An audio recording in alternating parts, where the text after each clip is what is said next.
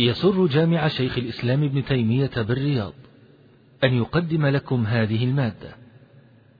كتاب الصلاة من بلوغ المرام. والذي قام بشرحه فضيلة الشيخ عبد المحسن الجامع. وذلك ضمن دروس الدورة العلمية المكثفة السادسة لعام 1420 من الهجرة. بجامع شيخ الإسلام ابن تيمية رحمه الله تعالى بسلطانه. نسأل الله أن ينفع بها المسلمين. والآن مع الشريط السابع. وإذا ركع أمكن يديه من ركبتيه يعني أنه يقبض ركبتيه بيديه عليه الصلاة والسلام. وسيأتينا في رواية عند الحاكم وغيره أنه فرق أنه فرق أصابع عليه الصلاة والسلام. لأن تفريق الأصابع مما يعينه في تمكين يديه من ركبتيه ويعينه على ركوعه فيفرج بينهما بخلاف سائر المواضع فإنه إذا بسطهما في الأرض أو رفعهما في التكبير فإنه يقارب بينهما ولا ينشر أصابعه. ف وإذا ركع أمكن يديه من ركبتيه ظهر حصر ظهره عليه الصلاة والسلام. أنه بمعنى أنه ثناه وأمانه في استواء. حصر ظهره مد ظهره لم يشخص ولم يصوب كما في حديث عائشة الآتي صحيح مسلم. لم يشخص رأسه يعني يرفعه يكون مرتفعا ولم يصوبه يعني يخفض. بل كان مستويا استواء تاما عليه الصلاة والسلام. يعني أن ظهره كان مستويا حال صلاته في حال ركوعه في الصلاة.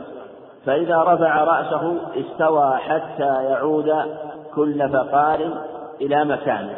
وهذا مثل ما سبق وهذا شاهد الرواية الأخرى في حتى ترجع العظام حتى يعتدل قائما حتى تعتدل قائما حتى تطمئن قائما ذاك في صفة تعليمه.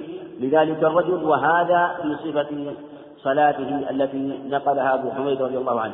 فيرفع حتى يعود كل فقار إلى مكانه. فإذا سجد وضع يديه غير مفترش ولا قابضهما كذلك إذا سجد فإنه يضع يديه في الأرض كما حديث البراء بن عازب. فضع كفيه وارفع مرفقيه وفي حديث أنس صحيح حديث براء صحيح مسلم حديث أنس صحيحين لا يبسط أحدكم ذراعيه بسط الكلب. فلا يجوز بسط الذراعين في السجود. كذلك لا ولا يقبضهما بمعنى أنه يجعلهما يجعل يديه آه، على جنبه يلصقهما بجانبه بل إنه ينحيهما. وكان عليه الصلاة والسلام يبالغ في تنحية يديه حال السجود. حتى جاء في جاء في الرواية الأخرى في صحيح مسلم لو أن بهمة أراد تمر لمرت يعني مبالغة. حكاية عن مبالغة عليه الصلاة والسلام في تنحية يديه حال السجود. واستقبل بأطراف أصابع رجليه القبلة. وهذا هو السنة وهذا بيان لهيئة وضع القدمين كالهيئات الأخرى في في في التشهد. وضع الرجلين في التشهد كما سيأتي في وضع اليدين في حال الركوع. فالسنة أن تكون أن تكون الأصابع إلى جهة القبلة. وإذا جلس في الركعتين جلس على رجله اليسرى ونصب رجل اليمنى وإذا جلس في الركعة الأخيرة قدم رجله اليسرى ونصب اليمنى وقعد على مقعدته أخرجه البخاري. إذا جاء هذا هو صفة الجلوس عند التشهد. إذا جلس في الركعتين جلس على رجله اليسرى ونصب اليمنى. وإذا جلس في آخر صلاته فإنه يقعد على مقعدته ويخرج رجله اليسرى من الناحية الأخرى. وهذا الموضع وهو موضع صفة وضع رجلين حال التشهد فيه خلاف. قيل إنه يتورط مطلقا وهو قول مالك. يعني يتورط في جميع أحوال التشهد سواء كان رباعية أو ثلاثية سواء كانت الصلاة فيها تشهد أو تشهدان. يكون متوركا مطلقا على وركه على يفضي بوركه إلى الأرض. والقول الثاني أنه يفترش مطلقا لأن معناه أنه يجلس على قدمه اليسرى وهو قول أبي حنيفة. والقول الثالث قول الشافعي رحمه الله وهو أن كل تشهد يعقبه التسليم فإنه يتورط فيه. في الرباعية والثلاثية وفي الثنائية التي يعقب التسليم كصلاة الفجر والعيد وما أشبههما من صلاة الكسوف وكذلك صلاة السنة الركعتين. كل والجمعة لأنها يعقبه يعقبه التسليم. وقول الرابع قول أحمد رحمه الله وهو التفريق بين الرباعية والثنائية وأنها إذا كانت الصلاة رباعية أو ثلاثية إذا كانت الصلاة فيها تشهدان فإنه يفضي بوركه إلى الأرض في التشهد الثاني وإن كان وفي الأول يفترش وكذلك إذا كان الصلاة فيها تشهد واحد. وهذا هو الأقرب في هذه المسألة لهذا الحديث أنه فرق وجاء في اللفظ الآخر فإذا كانت الركعة أو الجلسة التي فيها التسليم أفضى بوركه إلى الأرض. وكله خلاف في الأفضل والأولى. وعن علي بن أبي طالب رضي الله عنه عن رسول الله صلى الله عليه وسلم أنه كان إذا قام إلى الصلاة قال وجهت وجهي للذي فطر السماوات والارض إلى قوله من المسلمين اللهم أنت الملك لا إله إلا أنت ربي وأنا عبدك. إلى آخره رواه مسلم. وفي رواية إلا إن ذلك في صلاة الليل. هذا هو دعاء من أدعية الاستفتاح. دعاء من أدعية الاستفتاح في الصلاة. والمصنف رحمه الله قال وله في رواية أن ذلك في صلاة وفي رواية لا. أن ذلك إن ذلك في صلاة الليل. وهذا وهم رحمه الله. فلم يأتي فليس في صحيح مسلم أن ذلك في صلاة الليل بل فيه إذا كبر.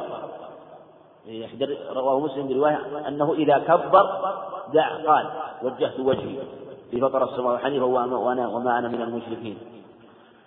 وفي رواية أخرى إذا استفتح الصلاة إذا استفتح إذا استفتح الصلاة وليس في تقييد بصلاة الليل. وجاء في رواية عند أبي داود أنه إذا استفتح للفريضة. هذا في بيان رواية مسلم أطلقت الرواية وقيدت رواية أبي داود وبينت المراد وأنه في صلاة الفريضة فهذا دعاء من أدعية الاستفتاح التي كان يدعو بها عليه الصلاة والسلام. وذكر المصنف أيضا حديث أبي هريرة كما سيأتي فهما حديثان ذكرهما. وهنالك أدعية كثيرة في الاستفتاح من حديث ابن عباس أنت رب السماوات أنه عليه الصلاة والسلام كان إذا قام الليل دعا وكبر دعا فقال اللهم أنت رب السماوات ومن فيهن. أنت قيام السماوات ومن فيهن أنت نور السماوات ومن فيهن أنت الحق ووعدك حق ولقاؤك حق والجنة حق والنار حق والنبيون حق. اللهم لك أسلمت بك آمنت وإليك خاصمت وعليك توكلت. فاغفر لي ما قدمت وما أخرت وما أسرت وما أعلنت. لا إله إلا أنت. وجاء أيضا هذا في صحيح البخاري وجاء أيضا حديث عائشة أنه عليه الصلاة والسلام كان إذا قام الليل قال اللهم رب جبرائيل وميكائيل وإسرافيل فاطر السماوات أو عالم الغيب والشهادة. أنت تحكم بين عبادك فيما كانوا فيه يختلفون. اهدني لما اختلف فيه من حق بإذنك إنك تهدي من تشاء إلى صراط مستقيم. وجاء أيضا أدعية أخرى في هذا الباب. أنه عليه الصلاة والسلام كان يهلل عشرا ويسبح عشرا ويحمد عشرا ويكبر عشرا ويستغفر عشرا ويتعوذ بالله من ضيق المقام عشرا. وهو حديث جيد رواه أبو داود وغيره. وجاء أيضا في الحج بين مطعم أنه يقول الله أكبر كبيرا الله أكبر كبيرا الله أكبر كبيرا والحمد لله كثيرا وسبحان الله بكرة وأصيلا. وجاء في رواية أخرى أنه أفرد التكبير في أوله فلم يكرر. أحاديث كثيرة كأنواع التشهدات والأنواع الأخرى التي تنقل في أدعيته في أدعيته وأذكاره عليه الصلاة والسلام في الصلاة.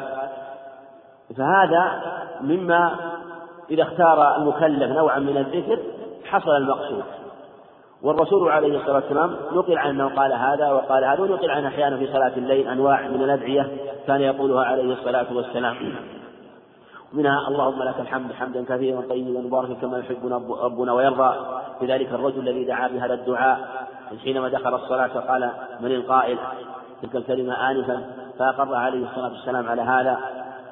وفي حديث أبي هريرة هو أصح من أصح الأخبار في هذا الباب كما سيأتي.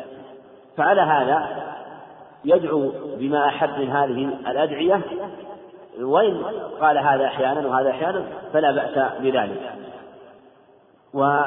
وجاء في رواية أنه عليه الصلاة والسلام كان يجمع بين قوله وجهت وجهي الذي فطر السماوات حنيفا وما أنا من المشركين ويقول سبحانك اللهم وبحمدك وتبارك اسمك وتعالى جدك ولا إله غيرك. لكن ينظر في ثبوت هذه الرواية أنا ما أدري عن سندها ولا اطلعت على سندها إن كانت ثابتة هذه الرواية دلت على أنه لا بأس بالجمع وإن الأصل أنه لا يشرع الجمع بين أدعية الاستفتاح لكن ثبتت هذه الرواية وهو الجمع بينهما فيدل على أنه أن مثل هذه الأذكار يجوز الجمع بينهما لكن يقف على ثبوت الرواية. قال وعن أبي هريرة رضي الله عنه قال كان رسول الله صلى الله عليه وسلم إذا كبر للصلاة سكت هنيها قبل أن يقرأ فسألته فقال قل اللهم باعد بيني وبين خطاياي كما بعدت بين المشرق والمغرب. اللهم نقني من خطاياي كما ينقى الثوب الأبيض من الدنس. اللهم اغسلني من خطاياي بالماء والثلج والبرد. هذا الحديث حديث عظيم وفيه يدعو بهذا الدعاء عليه الصلاة والسلام. أنه, أنه قال أنه كان يسكت هنا فسئل وفيه أنهم كانوا يراقبون صلاته وأحوال صلاته ويسألونه عليه الصلاة والسلام ماذا يفعل وينظرون إلى حركته ويستدلون بقراءته في بعض الحركات. ثم لما سئل قيل بما كنتم تعرفون قراءته؟ قال بالقراءة بلحيته. في هذا أنه كان يدعو بهذا الدعاء. اللهم باعد بيني وبين خطايا كما بعدت بين المشرق والمغرب. اللهم نقني من خطايا كما نقى الثوب الأبيض من الناس. اللهم اغسلني من بالماء والثلج والبرد. وهذا أصح الأخبار التي جاءت في الأدعية في دعاء الاستفتاح من أصحها. فتقي الدين رحمه الله في الإسلام تيمية اختار الله سبحانك اللهم وبحمدك وتبارك اسمك وتعالى جدك كما سيأتي. وعن عمر رضي الله عنه أنه كان يقول سبحانك اللهم وبحمدك وتبارك اسمك وتعالى جدك ولا إله غيرك رواه مسلم بسند منقطع ورواه الدار قطني موصولا وموقوفا. هذا عن عمر رضي الله عنه رواه مسلم ويتعدى بن أبي لبابة عن عمر وهو لم يسمع من عمر. فهو منقطع صحيح لكن شاهده أنه ثبت أو له طريق صحيح عند الدار قطني له طرق أخرى عند الدار قطني منها ما هو صحيح وصح بعضها رحمه الله رواه موقوفا عن عن عمر بسند أصح مما عند مسلم ورواه أيضا مرفوعا إلى النبي عليه الصلاة والسلام لكن صحح الموقوف. وقد جاء هذا الدعاء عن جمع من الصحابة رضي الله عنهم فإذا قاله فلا بأس. وهذا الدعاء أعظم من جهة أنه ثناء على الله سبحانك اللهم وبحمدك وتبارك اسمك وتعالى جدك ولا إله غيرك. فهي في الحقيقة أنواع منها ما كان ثناء على الله كهذا الدعاء اللهم سبحانك اللهم الحديث. هذا ثناء على الله والثناء على الله أعظم من سؤاله ومسألته سبحانه وتعالى. ومنها ما هو إخبار عن حال العبد وعن عبادته لله عز وجل عن قرنه وهو موافق لحديث علي بن أبي طالب. وجهت وجهي للذي فطر السماوات والأرض حنيفا وما أنا من المشركين. إخبار عن حال العبد وعن عبوديته لله عز وجل. وهذه المرتبة الثانية. المرتبة الثالثة إذا كان فيه دعاء وسؤال لله أن تدعو الله وأن تسأله وأن يكون دعاء السؤال وعليه حديث ابن هريرة الصحيح اللهم باعد بيني وبين خطاياي كما باعدت بين المشرق والمغرب. وما كان ثناء فهو أعظم. لكن يفوق هذا الحديث. اللهم باعد بيني وبين خطاياي من جهة أنه أصح. ثم أيضا الذي كبر في صلاته قدم الثناء على الله بقوله الله أكبر. وهذا ثناء على الله. فناسب أن يدعو بعد الثناء على الله. لا ولا شك أنه أن يقدم بين يدي دعائه ثناء على الله وتمجيدا وتعظيما لله عز وجل. أحرى. في قبول دعائه وتوسل إليه سبحانه وتعالى بهذا الثناء العظيم ثم بعد ذلك يسأل ربه. ونحوه عن أبي سعيد رضي الله عنه مرفوعا عند الخمسة وفيه وكان يقول بعد التكبير أعوذ بالله السميع العليم من الشيطان الرجيم من همزه ونفسه ونفسه. هذا الحديث حديث أبي سعيد الخدري لا بأس به من علي بن علي الرفاعي و وهذا السند سند جيد وله شاهد عن عائشة عند أبي داود رواية ابن الجوزاء عن عائشة وفيه انقطاع وله طريق آخر عند الترمذي من رواية حارثة بن أبي الرجال وهو ضعيف. آه، لكن هذه شواهد والعمدة على حديث أبي سعيد الخدري وما ثبت في الصحيح. فإذا سبحانك اللهم وبحمدك وتبارك اسمك وتعالى جدك ولا إله غيرك يكون ثبت مرفوعا من غير رواية عمر رضي الله عنه من حديث ابن سعيد الخدري وشاهده من حديث عائشة رضي الله عنها. قول من همزه ونفسه ونفسه. همزة الموتة. همزة الموتة وهو الجنون والغشي وما أشبه ذلك. ونفخ نفخه الكبر. ربما نفخ الإنسان ودعاه إلى الكبر. ونفخه نفخه الشعر الذي يكون في الأمور المحرمة. فيتعوذ بالله بعد ذلك من همزه ونفخه ونفثه ثم يسمي ثم يقرأ الفاتحة. وعن عائشة رضي الله عنها قالت كان رسول الله صلى الله عليه وسلم يستفتح الصلاة بالتكبير والقراءة بالحمد لله رب العالمين وكان إذا ركع لم يشخص رأسه ولم يصوبه ولكن بين ذلك وكان إذا رفع من الركوع لم يسجد حتى يستوي قائما وكان إذا رفع رأسه من السجدة لم يسجد حتى يستوي جالسا وكان يقول في كل ركعتين التحية وكان يفرش رجله اليسرى وينصب اليمنى وكان ينهى عن عقبة الشيطان وينهى عن أن يفترش الرجل ذراعيه فراش السبع وكان يختم الصلاة بالتسليم أخرجه مسلم وله علة. وهذا أيضا في صفة صلاته عليه الصلاة والسلام كما نقلته عائشة رضي الله عنها أنه يستفتح الصلاة بالتكبير. يقول الله أكبر مثل ما سبق في الأخبار وأنه لا يصح الدخول في الصلاة إلا بالتكبير وهذا إجماع من أهل العلم. والقراءة عطف على الصلاة يعني يستفتح الصلاة بالتكبير ويستفتح الصلاة بالقراءة. يعني والقراءة بالحمد بالحمد لله رب العالمين. بالحمد وهنا يقول يقولون مرفوع الحكاية. لأن الفاتحة قول الحمد لله رب العالمين الحمد مرفوع على الابتداء. فأنت إذا أردت أن تحكي هذا اللفظ تقول الحمد. ولو كان سبقه حرف جر. يقرأ عليه السلام بالحمد لله. ويمنع ظهور حرف الجر حركة الحكاية. مثل تقول مثلا رأيت محمدا. تقول من محمدا؟ مع أن أصل أن يكون أنه مرفوع لكن قلت حكيت له من كلمك من محمد فقولها يقرأ يستفتح الصلاة التكبير والقراءة بالحمد لله رب يعني قوله الحمد لله رب العالمين وكان إذا ركع وفيه أنه يقرأ الفاتحة عليه الصلاة والسلام يقرأ الفاتحة في صلاته كما أمر بها كما أمر بها ذلك الرجل وكما أخبر أنها لا تصح الصلاة أو لا تجزئ الصلاة إلا بها. وكان إذا ركع لم يشخص رأسه ولم يصوب يشخص يعني يرفع مثل ما سبق. يصوبه يخفضه ولكن بين ذلك ولكن بين ذلك يعني أنه يستوي في سجوده في ركوعه كما أنه يستوي في أحواله كلها في صلاته وكان إذا رفع من الركوع لم يسجد حتى يستوي قائما مثل ما سبق أنه يجد اطمئنان حال القيام. وكان إذا رفع رأسه وإذا رفع رأسه من السجدة لم يسجد حتى يستوي جالسا وهذا سبق أنه لا بد من الاستواء جالسا.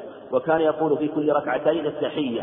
يعني التشهد التحيات لله كما سيأتي أيضا وأنه واجب على الصحيح في آه، التشهد الأول في الصلاة التي فيها تشهدان وكان يفرش رجله اليسرى وينصب اليمنى في صلاته يعني إذا جلس والمراد فيما يظهر الله أعلم مثل ما فسر حديث حميد أنه يفرش رجله اليسرى في في آه، في التشهد الذي يفرش رجله اليسرى في التشهد الذي يعقبه التسليم التشهد الذي يعقبه التسليم آه، آه، يفرش رجله اليسرى وينصب اليمنى ينصب اليمنى. في التشهد الأول من الرباعية وفي التشهد وفي الصلاة التي هي ركعتان. الرواية الأخرى مثل ما سبق أنه يتورط فيما فيه فيما فيها تشهدان في الأخير منها. وكان ينهى عن عقبة الشيطان عقبة الشيطان هو الإيقاع. الإيقاع وهو أن ينصب ساقيه ويجلس على مقعدته ويضع الوضع اليدين في الأرض. هذا منهي عنه وهو الإيقاع المنهي عنه. وينهى أن يفترش الرجل ذراعيه افتراش السبع مثل ما سبق أنه لا يفترش السبع. كذلك لا يبسط بيديه بسط الكلب. وكان يختم الصلاة بالتسليم. يقول السلام عليكم ورحمة الله. السلام عليكم ورحمة الله. يسلم عن يمينه وعن شماله عليه الصلاة والسلام. أخرجه مسلم وله علة لأنه من رواية أبي الجوزاء عنها وقيل إنه لم يسمع منها. وعن ابن عمر رضي الله عنهما أن النبي صلى الله عليه وسلم كان يرفع يديه حذو منكبيه إذا افتتح الصلاة. وهذا مثل ما سبق أنه أنه هذه الصفة الثانية. وضع هذه إحدى الصفات وهو وضع اليدين حذو المنكبين. حديث ابن عمر وفي آه، حديث أبي حميد كما سيأتي. وإذا كبر للركوع وإذا رفع رأسه من الركوع متفق عليه. في رفع اليدين في هذه المواضع الثلاثة. عند تكبير الإحرام وعند الركوع يعني يرفع يديه يقول الله أكبر. وعند الرفع من الركوع. الموضع الرابع يأتي عند القيام من التشهد الأول. يقوم رافعا يديه. وفي حديث أبي حميد عند أبي داود يرفع يديه حتى يحاذي بهما منكبه حديث حميد حديث صحيح خلافا لمن طعن فيه. وقد بين ابن القيم رحمه الله في تهذيب السنن هذا بيانا شافيا وبين صحته. وفيه آه، القصد كأن فيه القصد إلى أن يرفع يديه حذو منكبيه خلافا لمن قال أنهما موضع واحد. ولمسلم عن مالك الكويت نحو حديث نحو حديث ابن عمر لكن قال حتى يحاذي بهما فروع أذنيه وهذه وهذا هو الموضع الثاني الموضع الثاني من وضع اليدين عند فروع الأذنين يعني عند أعلاها. وعن وائل بن حجر رضي الله عنه قال صليت مع النبي صلى الله عليه وسلم فوضع يده اليمنى على يده اليسرى على صدره أخرجه ابن خزيمة. هذا في سنية وضع اليدين وضع اليد اليمنى على اليسرى على صدره جاءت الأخرى عند صدره فيضع فيضع يديه إما على صدره أو عند صدره. وهذا الحديث في سنة رواية مؤمل بن إسماعيل وهو سيء الحفظ لكن له شاهد عند أحمد من حديث هل رواية قبيصة من هل الطائي عن أبيه أنه رأى النبي عليه أنه يضع يده اليمنى على اليسرى على صدره وله شاهد مرسل عن طاووس عند أبي داود فهذه الأحاديث الثلاثة تبين أن السنة أن يضع يديه على صدره وعند صدره. أما ما ورد بأنه وضع يده اليمنى على اليسرى تحت السرة حديث عليه فهو حديث ضعيف عند أبي داود رواية عبد الرحمن بن إسحاق أبو شيبة الواسطي وهو متروك. وعن عبادة بن الصامت رضي الله عنه قال قال رسول الله صلى الله عليه وسلم لا صلاة لمن لم يقرأ بأم القرآن متفق عليه. وهذا يبين أن أم القرآن لا بد منها في الصلاة والصواب أنها في جميع جميع أحوال المصلين إمام ومأموم ومنفرد. جميعا. أما في حق الإمام والمنفرد هذا واضح والنصوص تشمله وكذلك في حق المأموم كما سيأتي. قول لا صلاة النفي يتوجه إما يتوجه للذات لنفي الذات. هذا هو الأصل. أما قول مثلا من قال إنه مثلا للصحة تقدير هذا يحتاج إليه عند عندما يضطر إليه. ولكن قول لا صلاة يعني والنفي للصلاة الشرعية. فمن أخل مثلا بركن الصلاة فهو بالحقيقة لم يصلي الصلاة الشرعية إنه مجرد حركات وربما كان فيها بعض الذكر والدعاء الذي يدخل في مسمى الدعاء لغة أما الصلاة الشرعية فلا وجود لها أصلا. لكن جاء في رواية أخرى ما يوضح أنها لا تجزئ فهي لا فهو لم يصلي أصلا وصلاته هذه غير مجزئة. ولهذا قال وفي رواية من ابن حبان والدار قطي لا تجزئ صلاة لا يقرأ فيها لا يقرأ فيها بفاتحة الكتاب. وهذه الرواية عند ابن حبان إسنادها صحيح ورواها الدار قطني أيضا وفيها أنها لا تجزئ صلاة لا يقرأ فيها بأم القرآن. حديث هريرة كل عند مسلم لا كل صلاة لا يقرأ فيها بأم القرآن فهي خداج خداج غير تمام. وبين في الرواية الأخرى أنها لا يعني ناقصة وأن هذا النقص يخل بها وأنها لا تجزئ. وفي أخرى لأحمد وأبي داود والترمذي وابن حبان لعلكم تقرؤون خلف إمامكم. قلنا نعم قال لا تفعلوا إلا بفاتحة الكتاب فإنه لا صلاة لمن لم يقرأ. بها. وهذا حديث جيد وهو نص في وجوب القراءة على المأموم في جميع أحواله بل نص على وجوب القراءة على المأموم في حال الجهرية في حال الجهرية. وهذا الحديث رواه أبو داود من رواية محمد بن إسحاق عن مكحول معنعنة لكن صرح بالتحديث في رواية أخرى ورواه آه، أبو داود من طريق تابعه زيد بن واقد عن مكحول وله شاهد عن أنس عند البخاري في جزء القراءة وله شاهد آخر أيضا من رواية رجل من أصحاب النبي صلى الله عليه وسلم كله الأمر بالقراءة فاتحة الكتاب وأنه قال لعلكم تقرؤون خلفه قلنا نعم قال لا تفعلوا إلا بأم القرآن فإنه لا صلاة لمن لم يقرأ بها وهذا هو قول الشافعي وهو خلافا للجمهور الذين لا يوجبون قراءة الفاتحة على خلاف بينهم في أحوال الصلاة ومنهم من لم يوجبها مطلقا على المأموم لكن الصواب أنها تجب عليه في جميع أحواله. وعن أنس رضي الله عنه أن النبي صلى الله عليه وسلم وابو بكر وعمر كانوا يفتتحون الصلاة بالحمد لله رب العالمين متفق عليه. وفيه بيان أنه عليه الصلاة والسلام وأن النبي عليه وأبا بكر وعمر كانوا يقرؤون الفاتحة. وأن أنس طوال هذه المدة حينما كان يصلي أنه آه، نقل أنه كان يقرأ. فيه بيان قراءة الفاتحة والرسول صلى وقال صلوا كما رأيتموني يصلي وفعله بيان للأوامر المجملة التي جاءت في الكتاب في الأمر بإقامة الصلاة. فهو مع أدلة أخرى تدل على وجوب قراءة الفاتحة. زاد مسلم لا يذكرون بسم الله الرحمن الرحيم آه، في أول لا يذكرون بسم الله الرحمن الرحيم في أول قراءة ولا في آخرها. وهذا والمراد أنهم لا يجهرون كما سيأتي من المصنف رحمه الله يعني أنهم لا يجهرون بها بل يسرون بها آه، في في يسر بها في نفسه لا يجهر بها. يعني وهذا المراد به الصلاة السرية. وفي رواية لأحمد والنسائي وابن خزيمة لا يجهرون ببسم الله الرحمن الرحيم وهو إسناد عند ابن خزيمة صحيح وفيه بيان أنه عليه الصلاة كان يقرأ لكن كان يقرأ لكن لم يكن يجهر بقراءة الفاتحة في حال الصلاة السرية. وفي الرواية الأخرى لابن خزيمة كانوا يسرون. كانوا وهذا صريح آه، في إسرارها وهذا منطوق يبين أنهم كانوا يسرون. وذاك مفهوم كانوا لا يجهرون منطوقه عدم الجهر مفهومه الإسرار. وهذه منطوقها الإسرار. فاجتمعت الروايات على أنه كان يقرأ عليه الصلاة والسلام وأنه كان يسر بها في السرية وعلى هذا يحمل النفي في رواية لمسلم خلافا لمن أعلها. يعني من أعاد رواية مسلم آه، أنه يحمل النفي في قول لا يذكرون بسم الله الرحمن الرحيم في أول قراءة ولا آخر يحمل النفي في قول لا يذكرون مو معنى ما يقرؤون. أولا أن الرواية الصحيحة الواضحة أنه كان يقرأ عليه الصلاة والسلام. لو فرض أنها دلت الرواية الصحيحة أقوى وأرجح. الأمر الثاني أنه ليست ظاهرة.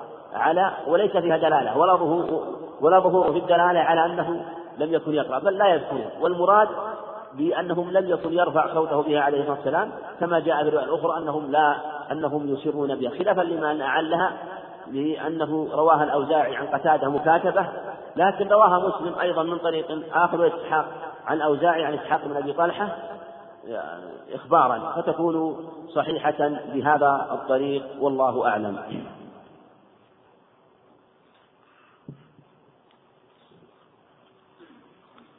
السلام عليكم ورحمة الله وبركاته. وعليكم السلام ورحمة الله وبركاته. إمام قام للركعة الثالثة في صلاة العشاء ولم يجلس للتشهد الأول فأكثر الناس عليه سبحان الله فجلس وسجد سجدتين وقام للركعة الرابعة يعني بأنه لم يركع أصلا. لم يركع أصلا للثالثة وأكمل صلاته وسجد السهو قبل السلام. ما حكم صلاته ما حكم صلاته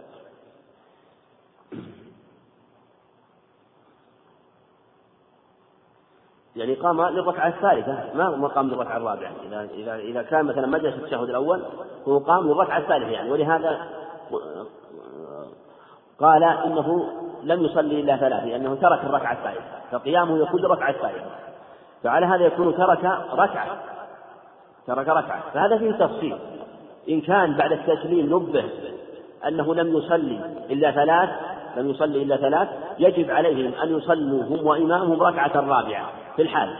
ثم بعد ذلك يجلس التشهد ثم يسلم ثم يسجد سجدتين ثم يسلم. يكون سجوده بعد السلام كما في حديث أبي هريرة في قصة ذي اليدين حينما سلم سجد بعد سلام عليه الصلاة والسلام. وإن كانت مرة لم يصلوا حتى هذا الوقت فعليه فالصلاة باطلة عند جماهير أهل العلم وعليهم أن يعيدوا الصلاة جميع الصلاة بيقول المدة يعيدوا صلاة العشاء هم وإمامهم جميعا. السلام عليكم ورحمة الله وبركاته. يعني وليس المراد أن يجب أن يجتمعوا جماعة لا المراد أن يجب عليهم أن يقيموا الصلاة فكل إنسان يصلي ويجتمعوا فهو أفضل وصلوها جماعة. ما هي أفضل؟ السلام عليكم ورحمة الله وبركاته. وعليكم السلام ورحمة الله وبركاته. ما هي أفضل أوقات الدعاء؟ هل هي خلال وبعد الصلاة المكتوبة أو الساعة من يوم الجمعة أو في آخر الليل؟ ما هي أفضل هذه الأوقات؟ كل هذه الأوقات لها فضلها. الأوقات التي ترجى فيها الإجابة بعد الآذان وبين الآذان بعد الآذان مباشرة يعني. هذا الوقت الأول. الوقت الثاني بين الأذان والإقامة. الوقت الثالث عند يوم الجمعة من آخر من آخر ساعة من يوم الجمعة الوقت الرابع عند دخول الإمام يوم الجمعة إلى أن تفرغ الصلاة. وهذا ثبت في صحيح مسلم. والوقت الرابع من آخر عند صلاة من آخر الليل. وكذلك روي في حديث حديث ضعيف عند أبي داود حينما يلحم بعضهم بعضا يعني في الجهاد وموضع سادس أو سابع عند نزول المطر عند أبي داود في سنة ضعف وأيضا يتحرى إجابة الدعاء في حال في حال إقبال الإنسان على ربه وفي حال إخباته وفي حال خضوعه إذا أقبل على الله. ولهذا قال عليه الصلاة والسلام يروى عنه في حديث أنه قال ادعوا الله وأنتم موقنون بالإجابة فإن الله لا يستجيب دعاء من قلب غافل له. فهذه أيضا يتحرى عندها الإجابة وهو حال الإثبات والخضوع. السلام عليكم ورحمة الله وبركاته. وعليكم السلام ورحمة الله وبركاته. هل يعرف أو هل يفرق بين أذكار الاستفتاح في النفل والفريضة أم ما ثبت في النافل وقيام الليل يقال فريضة؟ وهذا هو الأصل. ما ثبت في هذا يقال في هذا لكن ما نقل عنه عليه الصلاة والسلام أنه كان يقوله فإنه يكون أولى من غيره ما كان يتحراه فإنه أولى من غيره وبأي شيء دعا حصل المقصود ولله الحمد. السلام عليكم ورحمة الله وبركاته. وعليكم السلام ورحمة الله وبركاته. إذا خلط الإمام في صلاة الجنازة مثلا كبر ثلاثا بدل من أربع فماذا يفعل؟ أو سهى في إحدى التكبيرات فماذا يفعل؟ إذا نقص شيئا عليه يأتي عليه أن يأتي أن يأتي به. فتكبيرات الجنازة أربع تكبيرات وليس في سجود سهو ليس فيها سجود سهو فإذا نقص شيئا عليه أن يأتي به وبما بعده من الدعاء. السلام عليكم وعليكم السلام ورحمة الله وبركاته. في حديث أبي حميد الساعدي قوله عليه الصلاة والسلام واستقبل بأطراف واستقبل واستقبل بأطراف أصابع رجليه القبلة. وجاء في حديث أن, أن أيضا أنه عليه الصلاة والسلام ألصق عقبيه في الصلاة ألصق عقبيه في الصلاة. فكيف يجمع بين الحديثين؟ علما أن هناك صعوبة في الجمع بين بين إلصاق العقبين. وتوجيه أطراف القدمين للقبلة ألصق يعني يعني ألصق عقبه يعني جلس على أليته جلس على أليته آه، على المقعدة وألصقها بالعقل وألصقها بالعقل ألصقها بالعقل. أما أطراف الأطراف هذه تكون تكون تكون إلى جهة القبلة. وينظر إن كان جاءت رواية آه، أنه ألصق آه، عقبيه. هذه تكون صفة تكون صفة أخرى بمعنى أنه بسط قدميه بسط قدميه وجعل أصابعهما من ناحية. لكن آه، رواية أخرى جاءت على أنه ألصق وضع المقعد على العقب اليسرى ثم وجه قدميه إلى أصابع قدميه إلى جهة القبلة. عند أبي داود كانت حيال منكبيه ويحاذي بإبهام أذنيه أذنيه وقد ذكرت أن هذا القول مرجوح ما رأيكم هذه ما تثبت الرواية هذه كانت حيال منكبيه ويحاذي بإبهام أذنيه ما تثبت يعني وإلا هذه استدل بهذه الرواية بعض من قال أن جعل حذاء أذنيه و يعني يديه وكانت إلى جهة منكبيه ولو ولو فرض أنها ثابتة فتكون حالة ثالثة. ما في إشكال. تكون حالة ثالثة أنه تارة يجعل يجعل يجعل يديه بين منكبيه وأذنيه. والحالة الثانية تكون حذاء الأذنين والحالة الثالثة تكون حذاء الأذنين لو ثبت لكنها لا تثبت. السلام عليكم ورحمة الله وبركاته. وعليكم السلام ورحمة الله وبركاته. اشتهر خلاف العلماء في حكم قراءات المأموم خلف الإمام فاتهم القول الراجح فيها. سبق أن الأدلة تدل على أنه يجب على المأموم أن يقرأ الصلاة في كل حال. افتراش في الصلاة. الافتراش في الصلاة هو أن يفرش قدمه اليسرى ويجلس على مقعدته قبل التسليم من صلاته والله أعلم. إذا زاد الإمام ركعة فنبه على ذلك فأصر على رأيه علما بأنه نبه بأكثر من شخصين ما هو العمل إذا زاد الإمام على ركعة لا ما يجوز تتابع إذا صلى خمسا لا يجوز أن تتابع بل عليك أن تنصرف. تنصرف أو أنك تنتظر أو تنتظر يعني تجلس في التشهد وتنتظر حتى يرجع. أنت مخير لا بأس أن تنتظر كما وقع أن بعض أن بعض الناس في صلاة الخوف أنهم كانوا ينتظرون النبي عليه الصلاة والسلام. فالمقصود أنه في هذه الحالة عليه أن ينصرف من صلاته وأنه لا يتابعه زاد لو إذا زاد خامسة أو رابعة في الثلاثية أو ثالثة في الثنائية. ولو حصل أنه تابعه جهلا فلا بأس.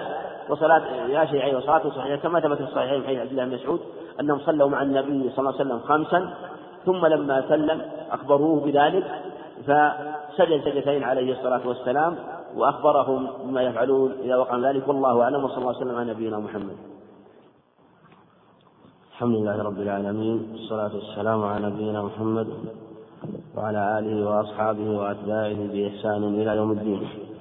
قال الإمام الحافظ بن حجر رحمه الله تعالى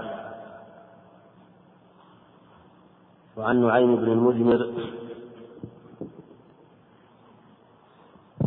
قال صليت وراء أبي هريرة رضي الله عنه فقرأ بسم الله الرحمن الرحيم ثم قرأ بأم القرآن حتى إذا بلغ ولا الضالين. قال آمين.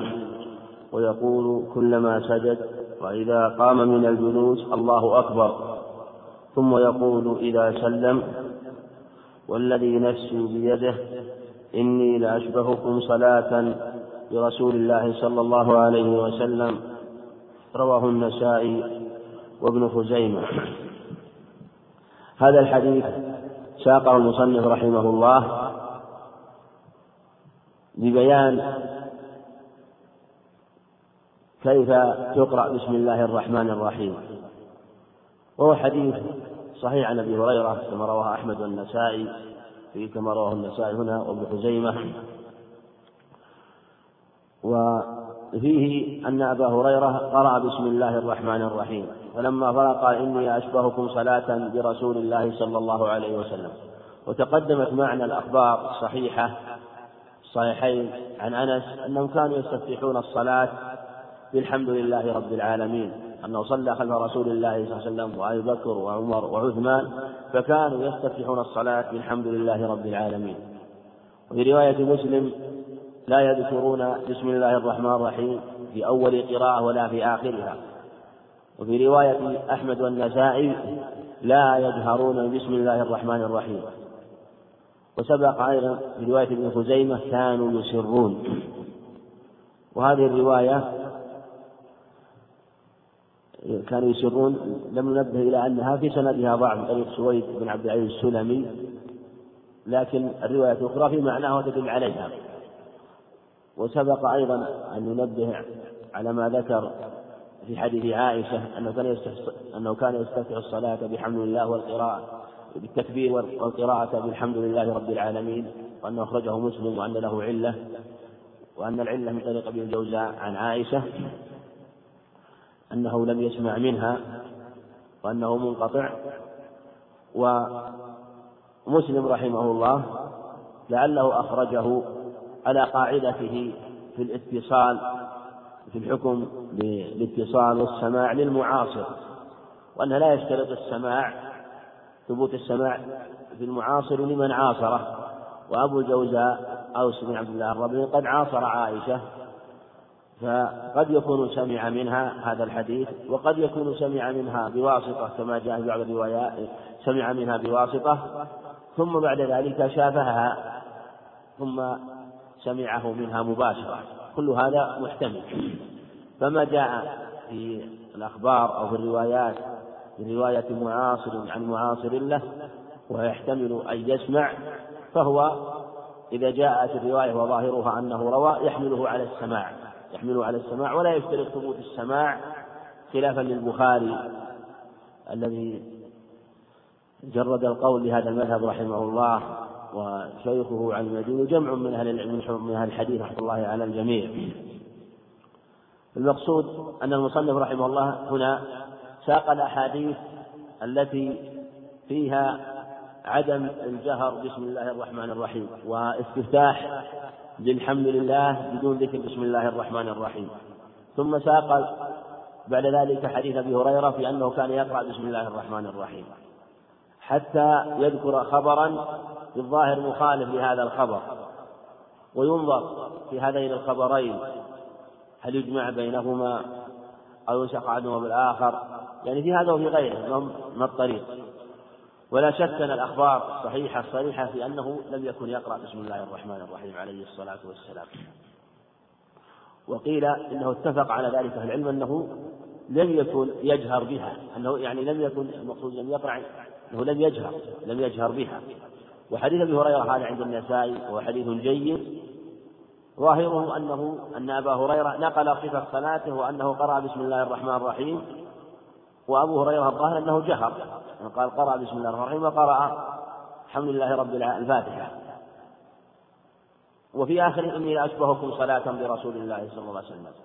فيفهم منه أو يدل أيضا أو أن أن قراءته لبسم الله الرحمن الرحيم داخلة في قول إني لأشبهك وهو محتمل لكن ليس نصا وعلى هذا هل يجهر بها أو لا يجهر بها؟ على أقوال. قيل يجهر بها مطلقا كما هو قول الشافعي والجماعة. وقيل لا وقيل لا تقرأ أصلا لا جهرا ولا سرا. والصواب أنه يقرأ بها بسم الله الرحمن الرحيم لكن لا يجهر. هذه سنة مستقرة عليه الصلاة والسلام أنه لم يكن يجهر بسم الله الرحمن الرحيم. وأنس رضي الله عنه صحب النبي عليه الصلاة والسلام عشر سنين. صحب أبا بكر وعمر وعثمان عثمان ما يقارب خمسة وعشرين سنة. وهو يقول يقول في في ذلك إنهم لم يكونوا يجهرون. ومن البعيد أن يصلي هذه المدة الطويلة ولم يكونوا يجهرون مرة واحدة ويقال إنه عليه إن إن الجهر مشروع أو أن الجهر سنة. فلا شك أن أنه خلاف السنة. وعلى هذا يكون ما جاء في حديث أبي هريرة أنه جهر جهر لبيان أنها تقرأ.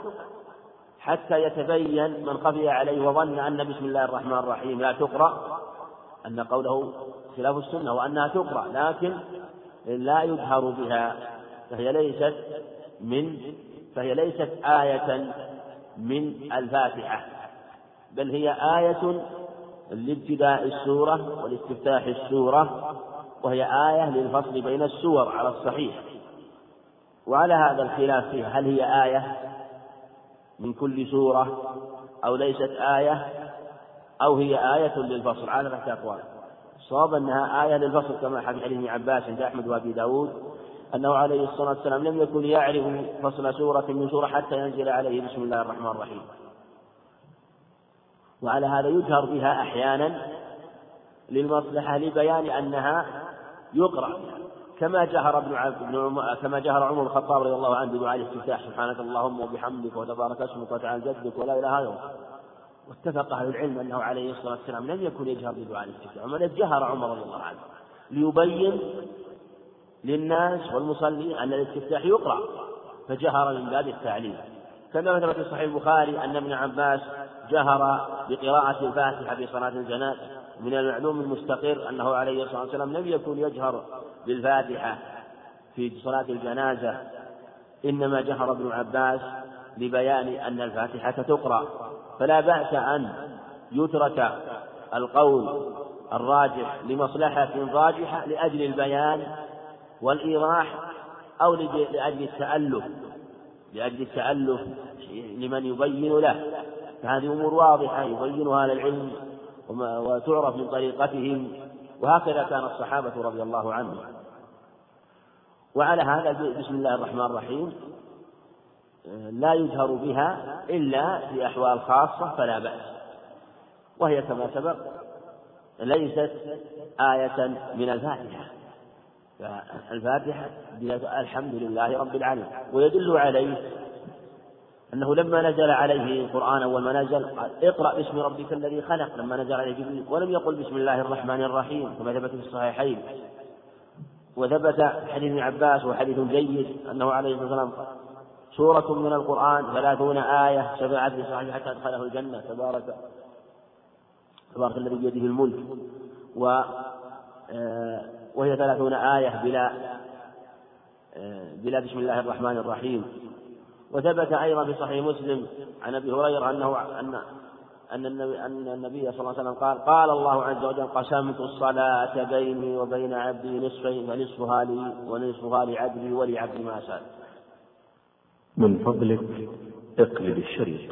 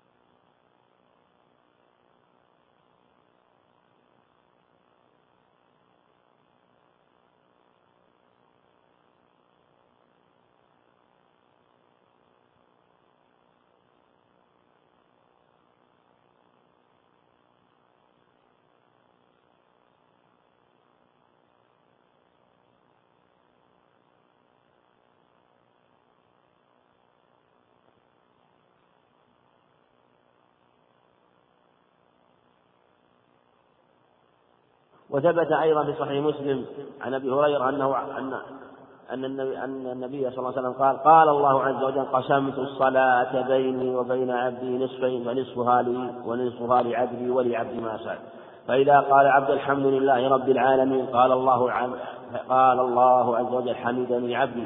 فإذا قال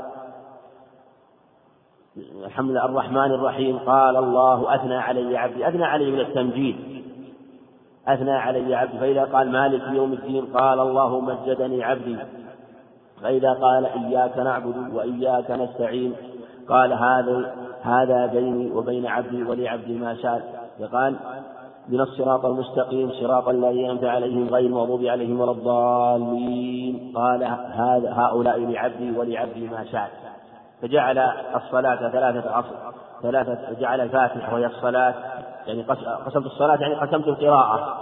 جعلها ثلاثا فنصفها لله وهي الثناء ونصفها بينه وبين العبد وهو إخبار العبد عن حاله وعن عبادته. وجعل الثلث القسم الثالث الأخير هو السؤال والدعاء وسؤال الله ودعاءه بقوله اهدنا الصراط المستقيم.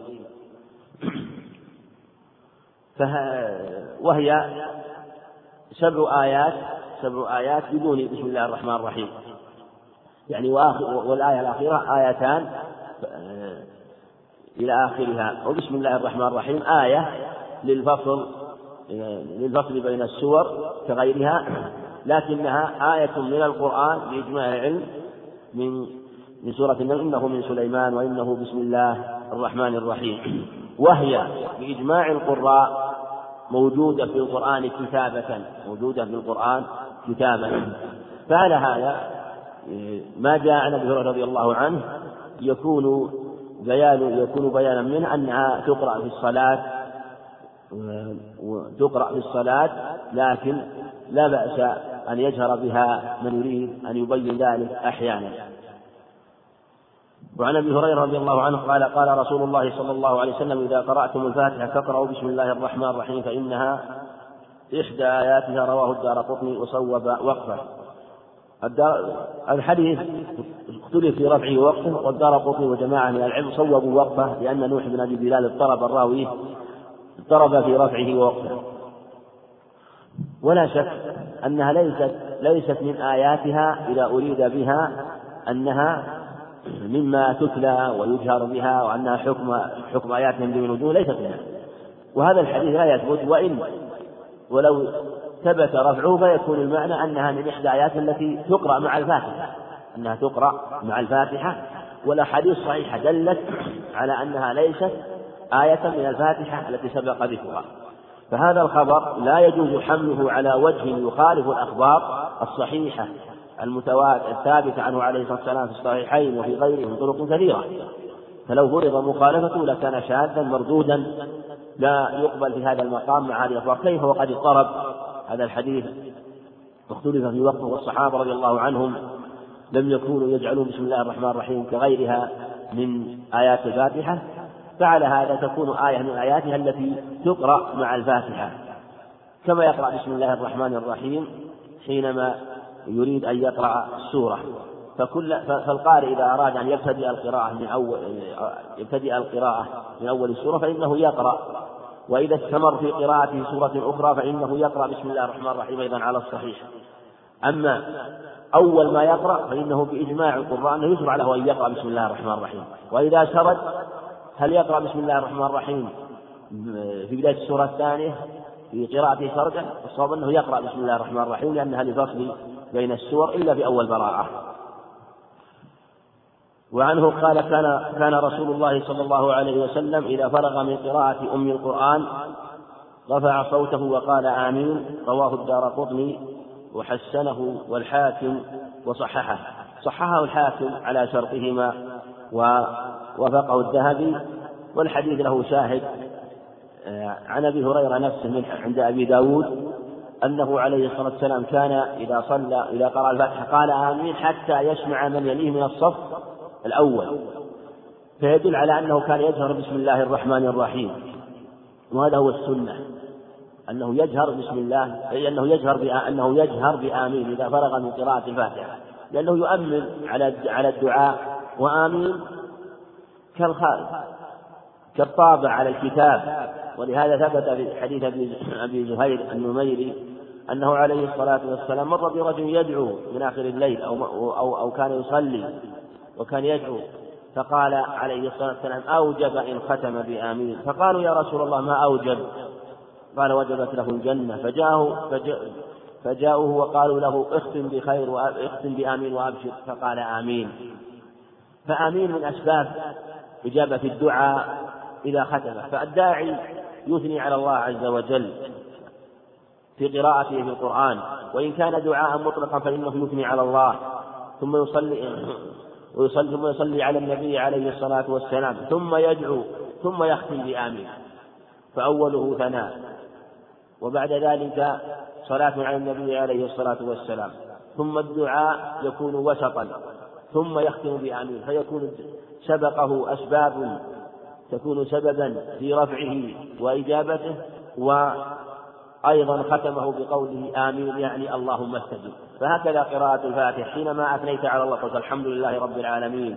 الرحمن الرحيم. مالك يوم ثناء على الله عز وجل وتكرار للثناء ثم أخبرت عن عبادتك استعانتك وعبادتك. إياك نعبد وإياك نستعين. ثم عليك دعوت الله عن اهدنا الصراط المستقيم. صراط الذين أنعمت عليهم غير المغضوب عليهم ولا الضالين. ثم تقول آمين. وإذا كانت صلاة جهرية فقرأ الإمام وأمن يكون جميع الدعاء لهما جميعا. وإذا قرأ هو في قراءته يقول أيضا آمين. فيشرع رفع الصوت بها كما قال عليه الصلاة إذا أمن الإمام فأمنوا. وفي لفظ الصحيح إذا فرغ من قول إذا قال ولا الضالين فقولوا آمين. وهذا آه، وهذه الرواية تبين وتوضح أنه كان يرفع صوته عليه الصلاة والسلام. وشاهدوا أيضا الحديث الآخر قال ولأبي داود والترمذي من حديث وائل بن الحجر نحوه. حديث وائل بن الحجر حديث جيد. وفيه أنه عند عند أبي داود أنه رفع صوته وعند الترمذي أنه مد صوته عليه الصلاة والسلام. يعني رفع صوته فيشرع رفع الصوت بآمين رفعا يكون إذا كان إماما يسمع من من يليه من الصف الأول. و أو يسمع جماعة المسجد كله لا بأس ثم وإن كان منفردا وإن كان منفردا فإنه يسمع نفسه بقوله آمين. وعن عبد الله بن أبي أوفى رضي الله عنه صحابي جليل رضي الله توفي سنة سبع وثمانين للهجرة. قال جاء رجل إلى النبي صلى الله عليه وسلم فقال إني لا أستطيع أن آخذ من القرآن شيئا فعلمني ما يجزئني فقال قل سبحان الله والحمد لله ولا إله إلا الله والله أكبر ولا حول ولا قوة إلا بالله العلي العظيم. الحديث رواه أحمد وأبو داود والنسائي وصححه ابن حبان والدار قطني والحاكم. فقال فقال ذلك الرجل هؤلاء ربي فما لي فقال أقول اللهم اغفر لي وارحمني واهدني وارزقني أو عافني وارزقني. تمام الحديث. وهذا الحديث سبق معنا ذكره. أنه لما أن من لم يستطع قراءة الفاتحة يقول هذه الأذكار وهو من طريق إبراهيم عبد الرحمن السفسفي لكن شاهده ما تقدم في الحديث فإن كان مع قرون الله فاحمد الله وهلله وكبره فهو ذاك جيد وهذا وذاك الحديث يشهد لهذا لهذه الرواية. فتكون هذه الرواية من باب الحسن لغيره بشاهدها السابق. وفي دلالة على أن من لم يستطع قراءة الفاتحة وتعلم الفاتحة يقول هذه الأذكار سبحان الله والحمد لله ولا إله إلا الله والله أكبر ولا حول ولا قوة إلا بالله العلي العظيم. ثبت الصحيحين أن لا حول ولا قوة إلا بالله كنز من كنوز الجنة. وجاء ذكر العلي العظيم في عدة أخبار ومن ذكر بعض العلم وجاء ذكر العلي العظيم في هذه الرواية. ذكر العلي العظيم مع لا حول ولا قوة إلا بالله. ثم بعد ذلك يتعلم الفاتحة لأن الذي يستطيع أن يتعلم هذه الكلمات يسهل عليه يتعلم الفاتحة. لكن لو دخل الوقت وضاق الوقت به ولم يعرف الفاتحة ولم يحفظها فإنه يقول هذه الكلمات ثم بعد ذلك يجتهد في تعلمها. لأنه واجب عليه وما لا يتم الواجب به إلا به فهو واجب. وعن أبي قتادة رضي الله عنه قال كان رسول الله صلى الله عليه وسلم يصلي بنا فيقرأ في الظهر والعصر في الركعتين الأوليين فاتحة الكتاب وسورتين ويسمعنا الآية أحيانا ويقوم الركعة الأولى ويقرأ في ويقرأ في الأخريين. فاتحة الكتاب متفق عليه. في هذا أنه عليه الصلاة والسلام كان يقرأ يبين أنه كان يقرأ في صلاة الظهر آه، بسورة مع الفاتحة. يقرأ في الأوليين فاتحة الكتاب وسورتين في الركعة الأولى وفي الركعة الثانية. ويسمعون الآية أحيانا. كما ثبت في الصحيحين. دلالة على لا بأس أن يجهر الإمام بالقراءة أحيانا بعض الآيات لا بأس بذلك. وثبت في حديث البراء عند عند النسائي وابن خزيمة أنه كانوا يسمعون الآية تلو آية وفي اللفظ الآخر تلو الآيات. في حديث أنس عند ابن خزيمة أيضا سند جيد أنه كنا نسمع نغمة النبي صلى الله عليه وسلم يعني في قراءة. كان ربما رفع رفعا يسيرا يدل على أنه يرفع أحيانا رفع يسير. فاستدل به على أنه لا بأس من الجهر في الإسراء في الصلاة السرية. لكن ليس ليس المراد الجهر بكل القراءة لكن جهر أحيانا مثل ما نقل عنه عليه الصلاة والسلام.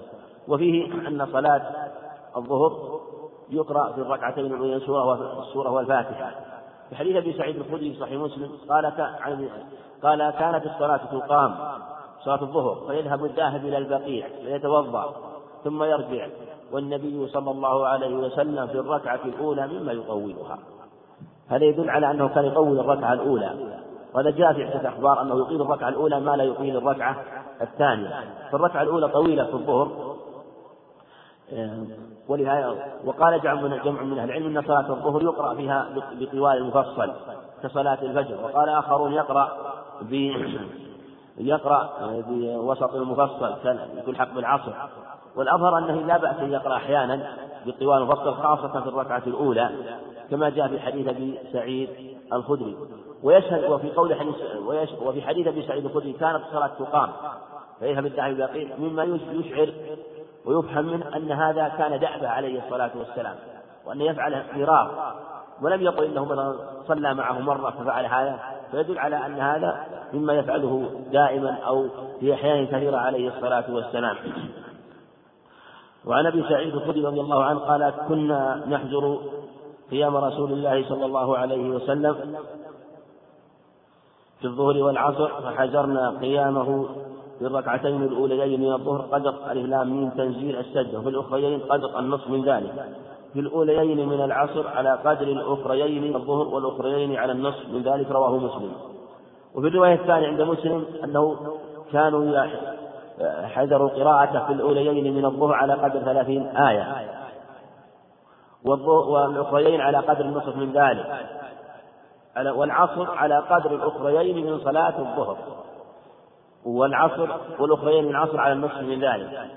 في دلالة على أن صلاة الظهر تطول ما تطول صلاة العصر. وفي حديث أبي سعيد الخدري شاهد أن صلاة العصر على النصف من صلاة الظهر. حتى الركعتين الأخريين من من العصر على النصف من الأخريين من الظهر بل إن الركعتين الأوليين من العصر على قدر الأوليين على الأخريين من الظهر.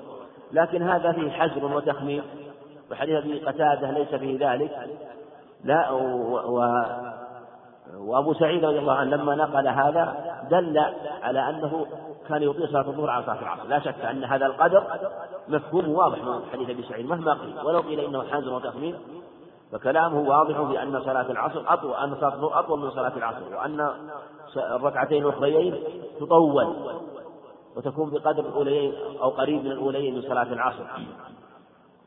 فلا بأس أن يزيد أحيانا في صلاة الظهر حتى في الأخرين منها لا بأس أن يقرأ شيئا يسيرا لا كما نقل في هذا الخبر. وإن كانت السنة المستقرة ما دل عليه حديث أبي قتادة أنه كان يقرأ بالفاتحة. في الأخريين من الظهر. وعن سليمان بن يسار قال كان فلان يطيل الأوليين من الظهر. ويخفف العصر ويقرأ ويخفف العصر ويقرأ في المغرب بقسام فصل وفي العشاء بوسطه وفي الصبح طواله فقال أبو هريرة ما صليت وراء أحد أشبه صلاة برسول الله صلى الله عليه وسلم من هذا؟ أخرجه النسائي بإسناد صحيح. سليمان بن يسار أحد علماء التابعين وفقهائهم بل هو من الفقهاء السبعة. والفقهاء السبعة آه، هم كما قيل إذا قيل من في العلم سبعة أبحر روايتهم ليست عن علم خارجة تقول هم عبيد الله عروة خالد تقول عبيد الله عروة قاسم سعيد أبو بكر سليمان خالد. عبيد الله وعروة وقاسم وسعيد وأبو بكر وسليمان خالد. عبيد الله هو ابن عبد الله بن عتبة بن مسعود. عروة هو عروة بن الزبير بن العوام. قاسم هو القاسم محمد بن أبي بكر. سعيد هو ابن المسيب. سعيد أبو بكر وهو بكر بن عبد الرحمن بن حارث هشام. سليمان بن يسار وخالد هو خالد بن زيد بن ثابت. وأبو بكر بن عبد الرحمن بن حارث بن هشام. وعروة بن الزبير. وعبيد الله بن عبد الله بن عتب بن مسعود. وأبو سعيد وسعيد المسيب توفوا في سنة واحدة سنة أربع وتسعين. وهذه تسمى سنة الفقهاء لأن توفي فيها كثير من الفقهاء. أبو بكر وعبد الرحمن بن هشام وسعيد بن المسيب وعبيد الله وعروة بن القاسم وعلي بن الحسين بن علي بن أبي طالب وجمع من الفقهاء المسلمين في تلك السنة. وتأخر عنهم القاسم في سنة 106 وخالد بن زيد بن ثابت وتوفي سنة مئة وكذلك السابع توفي سنة مئة أو قبل المئة. فسليمان يسار أحد فقهاء الصحابة وعلمائهم وهو من الفقهاء السبعة رضي الله عنه ورحمه. قال كان فلان يطيل في الأوليين من الظهر.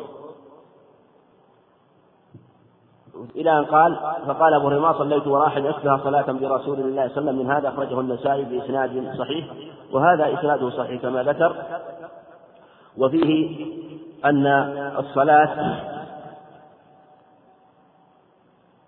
مثل ما ذكر أهل العلم أنها فيها ما يقرأ بطواله وفيه ما يقرأ بوسطه وفيه ما يقرأ بقصار المفصل بقصار المفصل والمفصل الصحيح أنه من قاف إلى آخر القرآن. فمن قاف إلى عم هذا هو طوال المفصل. طوال المفصل. ومن ومن عم إلى سورة الضحى هذا وسط المفصل. من سورة الضحى إلى آخر القرآن هذا هو قصار المفصل. ويدل عليه حديث أوس بن أوس سنن أبي داود أنه جاء إلى النبي عليه الصلاة والسلام وفيه سأل أصحاب النبي عليه الصلاة والسلام كيف كنت كيف تحزبون القرآن؟ قالوا نقرأه ثلاثا وخمسا وسبعا وتسعا وإحدى عشرة وثلاثة عشرة وحزب مفصل. وإذا جمعت هذه السور كانت الحجرات داخلة معها وليست منها تكون من قاف من قاف من سورة قاف بداية مفصل لأن إذا جمعت مجموعة السور من أول البقرة إلى كانت إلى قاف. ومن قاف هذا هو حزب مفصل وهو ثلاثة أقسام طوال ووسط وقصار. وذهب جمع العلم إلى أن الصبح يقرأ بها بطوال مفصل والمغرب بقصار مفصل. والظهر والعصر والعشاء بوسط مفصل وقال آخرون إن الظهر يقرأ بها أحيانا بطوال مفصل والمغرب كذلك بل جاء عدة أخبار صحيحة تدل على هذا المعنى وإن كان المغرب ربما قرئ قرئ فيها بقصار مفصل لكن جاءت أخبار صحيحة تدل على أنه عليه السلام كان يقرأ بقصار المفصل بطوال المفصل ومنها حديث قالوا عن جبير مطعم رضي الله عنه عنه قال سمعت رسول الله صلى الله عليه وسلم يقرأ في المغرب بالطور متفق عليه. يقرأ في المغرب والطور من طوال المفصل بل إنه جاء في المغرب ما لم يأتي في غيره ولم ينقل في غيره من أنه عليه الصلاة والسلام قرأ فيها بالأعراف وهي في صحيح البخاري في حديث زيد بن ثابت وفي عند النسائي بإسناد صحيح فرقها في الركعتين. وفي حديث أم الفضل أنه قرأ بالمرسلات عليه الصلاة والسلام فيها. وجاء في أخبار أخرى أنه قرأ فيها بسوار طوال عليه الصلاة والسلام. فلا بأس فيقرأ فيها أحيانا بالطوال ويقرأ ويقرأ أحيانا فيها بالقصار. لهذا الحديث ولحديث رافع بن خديج أنه أنهم كانوا إذا صلوا المغرب مع النبي صلى الله عليه وسلم كان إذا إذا خرجوا إن أحدنا لا يبصر موقع نبله يعني إذا خرجوا فليبين أنه كان يقصر القراءة فيها. لأن إذا كان يصلي عليه الصلاة والسلام صلاة المغرب وكان يخرج ثم يرمي ويبصر موقع نبله والنبل يذهب بعيد فيدل على أنه آه، في بادر بالصلاة بها ولم يطل قراءة فيها. لكن صحت الأخبار أنه يقرأ فيها بالطوال كما أنه حديث صلاة الظهر يقرأ فيها أحيانا بالطوال كما في حديث أبي سعيد الخدري الذي ثبت في صحيح مسلم. وعن أبي هريرة رضي الله عنه قال كان رسول الله صلى الله عليه وسلم يقرأ في صلاة الفجر يوم الجمعة ألف لام من تنزيل السجدة وهل أتى على الإنسان؟ متفق عليه. و في الطبر حديث مسعود يديم ذلك. وجاء في صحيح مسلم عن ابن عباس هذا المعنى أنه كان يقرأ بهاتين السورتين في صلاة الفجر في صلاة الفجر. والقراءة فيهما ليست لأجل السجدة لا لأجل ما فيهما كما قال جماعة من شيخ الإسلام وجماعة ما فيها من خلق الإنسان وذكر المبدأ والمعاد تذكير لأن هذه الأشياء تكون في ذلك اليوم. كانت خلق آدم في ذلك اليوم والمبدأ والمعاد والبعث يكون في هذا اليوم. وفيه تذكير في يوم الجمعة ولا تقوم الساعة إلا في يوم الجمعة. أما أنه يجيب ذلك هذه الرواية ينظر فيها وعزاه إلى الطبراني ومن طريق أبي إسحاق وعن عن فاللي ثبت الصحيحين أنه كان يقرأ عليه الصلاة والسلام وربما قيل أخذ بكان وأنها تدل على الدوام لكن هي لا تدل على الدوام إلا لشيء يدل عليه وبالجملة يدل يدل على أنه يقرأ بها آه، في يقرأ بها في يوم الجمعة وربما ترك إلى خشية أنه يظن وجوبها أو وجوب السجدة كما يخفى ذلك على بعض الناس ربما ترك ذلك لأجل البيان. وعن حذيفة رضي الله عنه قال صليت مع النبي صلى الله عليه وسلم فما مرت به آية رحمة فما مرت به آية رحمة إلا وقف عندها يسأل ولا آية عذاب إلا تعود أخرجه الخمسة وحسنه الترمذي. حديث حذيفة هو ثابت في صحيح مسلم. ثابت صحيح مسلم مطول وأنه صلى مع النبي عليه الصلاة والسلام قال فاستفتح البقرة. فقلت يركع عند المئة. فمر أو مشى فقلت يقرأ بها. فاستفتح عني سورة النساء فقرأها ثم قرأ آل عمران فقرأها. ما ما ولا يمر بآية سؤال لا سأل ولا ولا تسبيح إلا سبح ولا استعاذة إلا استعاذ عليه الصلاة والسلام أو كما قال حذيفة رضي الله عنه. فركع وكان ركوعه نحو من قيامه ثم رفع ثم سجد. وكله كانت صلاته متقاربة وسجوده نحو الركوع عليه الصلاة والسلام. وأطال جدا. وفيه أنه كان يسأل ويستعي يسأل الله الجنة إذا مر ذكر الجنة ويستعي بالله النار إذا مر ذكر النار. وإذا كان سؤالا سأل. وهذا في صلاة النافلة صلاة الليل وغيرها مشروع كما فعل عليه الصلاة والسلام. وقد جاء هذا أيضا في حديث عوف بن مالك أنه عند أبي داود أنه عليه السلام قرأ البقرة ثم ثم قرأ سورة سورة. قرأ البقرة أو قرأ آل عمران ثم قرأ سورة سورة. وجاء في حديث حذيفة عند أبي داود أنه قرأ البقرة وآل عمران والنساء والمائدة أو الأنعام شك شعبة. هذا وقع له في عدة ليالي وثبت أن صحيح البخاري أنه من حديث مسعود أنه صلى معي ليلة فأطال قال هممت بأمر سوء. قال ما هممت قال هممت أن أن أجلس وأدع لما أطال عليه الصلاة والسلام. والسؤال يشرع في صلاة النافلة. أما صلاة الفرض فالأظهر أنه يقرأ ويستمر في قراءته لا يتوقف عند الآيات. وإن كانت القاعدة أن ما ثبت في النفل يثبت مثل في الفرض لكن هذا الأصل حيث لا يدل الدليل على خلاف ذلك. ولم ينقل عنه عليه الصلاة والسلام في صلواته كلها ولم ينقل أحد عن الصحابة رضي الله عنه إذا أما الناس كان يسأل أو كان يستعيذ أو يسأل يسأل الله الجنة ويستعيذ بالله بالنار إذا مر ذكرهما أو أو يسأل إذا كان سؤالا أو دعاء بل كان يستمر في قراءته عليه الصلاة والسلام. فهذا هو الأظهر. إنما يكون هذا من صلاة الليل لأن صلاة الليل مبنية على التخفيف آه، بخلاف فأحكامها تختلف عن أحكام صلاة الفرض. وعن ابن عباس رضي الله عنهما قال قال رسول الله صلى الله عليه وسلم ألا وإني نهيت أن أقرأ القرآن راكعا أو ساجدا فأما الركوع فعظموا فيه الرب وأما السجود فاجتهدوا في الدعاء فقمن أن يستجاب لكم. رواه مسلم. ورواه مسلم أيضا من حديث علي قال نهاني أن أقرأ راكعا أو ساجدا وفي الركوع والسجود. فالركوع لا يقرأ فيه القرآن والسجود لا يقرأ فيه القرآن لأن قراءة القرآن من خصائص القيام. وتجل كلام الله وتعظم على أن تقرأه في حال الخضوع سواء كان الخضوع ركوعا أو سجود يقرأ في حال القيام. لأنها أظهر حالات المصلي. أما الركوع ولهذا لما كانت الأحوال ثلاثة حال القيام يتلوها حال الركوع وحال الخفض التام حال السجود. كان من حظ القيام تلاوة كلامه سبحانه وتعالى. كان من حظ الركوع تعظيمه سبحانه وتعالى. وكان من حظ السجود الدعاء.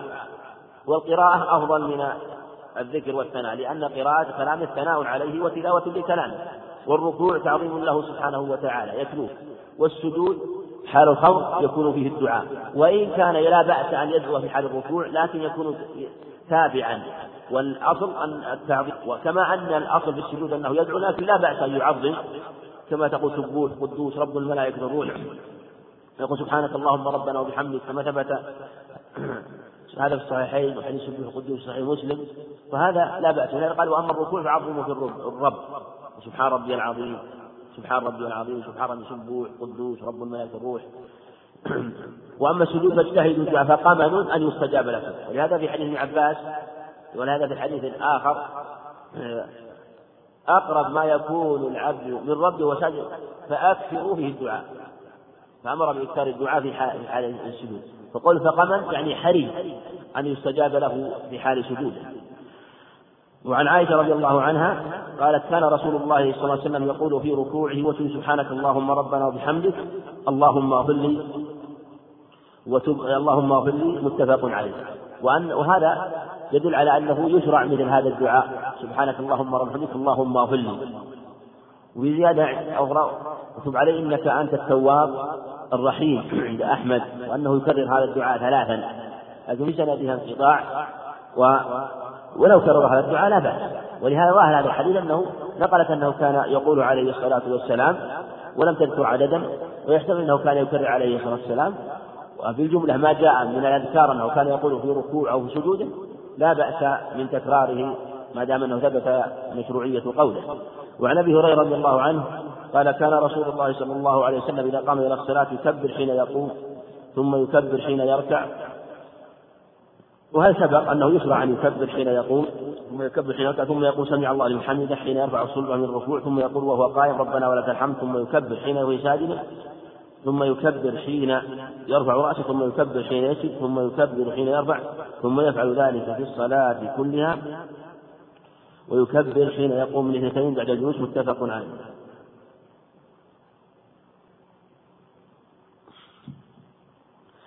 التكبير عند عند القيام هذا متفق عليه وأنه لا يدخل الصلاة إلا بتكبيرة الإحرام.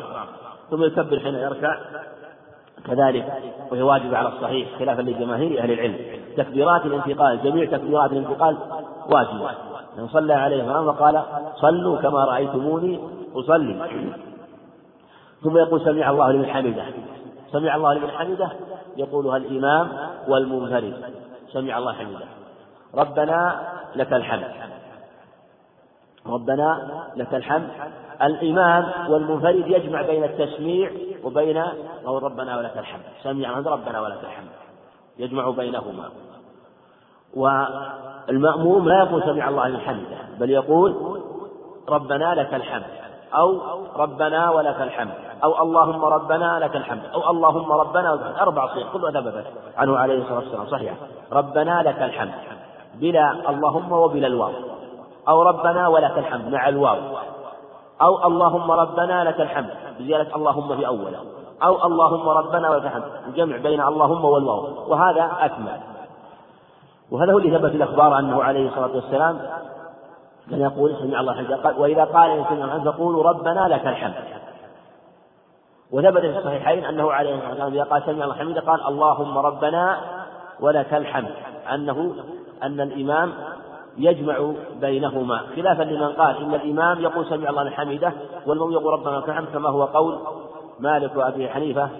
أو من قال إن الإمام يقول سمع الله حمده ولا يجمع بينهما خلافا للشافعي. والصواب قول ابن رحمه الله أن الإمام والمنفرد يجمع بينهما وأن الإمام منفرد وأن المؤتم يقول ربنا لك الحمد. إذا قال سمع الله لمن حمده اللي ثبت به الأخبار عنه عليه الصلاة والسلام.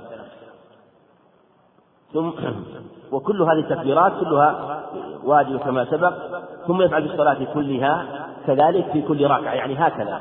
ويكبر حين يقوم من اثنتين بعد الجلوس يعني من التشهد الأوسط في الثلاثية والرباعية وعن أبي سعيد الخدري رضي الله عنه قال كان رسول الله صلى الله عليه وسلم إذا رفع رأسه من الركوع قال اللهم ربنا لك الحمد ملء السماوات ومن الأرض ومن ما شئت من شيء بعد لك والمجد حق ما قال عبده كلنا لك عبد اللهم لا مانع لما قيت ولا معطي لما منعت ولا ينفع ذا الجد منك الجد. هذا ثبت في صحيح مسلم من حديث أبي سعيد الخدري ومن حديث ابن عباس ومن حديث من حديث ابن عباس ومن حديث عبد الله بن أبي أوفى بمعنى حديث أبي سعيد الخدري. لكن قولها اللهم رب جاءت اللهم ليست في حديث أبي سعيد الخدري كما ذكر رحمه الله. إنما هي في حديث ابن عباس وحديث ابن أبي أوفى. اللهم. حديث سعيد ما في اللهم ربنا لك الحمد ملء السماوات ومن الأرض ومن ما بينهم ومن ما اشرك من شيء بعد أهلكتنا ومد حق ما قال عبد وكلنا لك عبد. اللهم لا مانع لما أعطيت ولا معطي لما ولا ينفع ذا الجد منك الجد. هذا ذكر يقوله بعد ما يقول في حال قيامه من ركوعه. قل ملء السماوات ومن الأرض. يعني أن هذا الحمد يملأ السماوات والأرض وهو ملء حقيقي.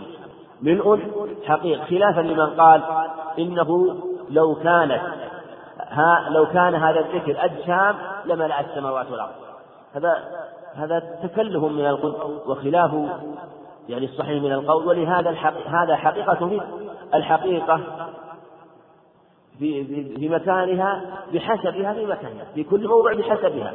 فالملء فالشيء الممتلئ في كل موضع بحسبه. خلافا لمن قال بالمجاز بعد المجاز وأنه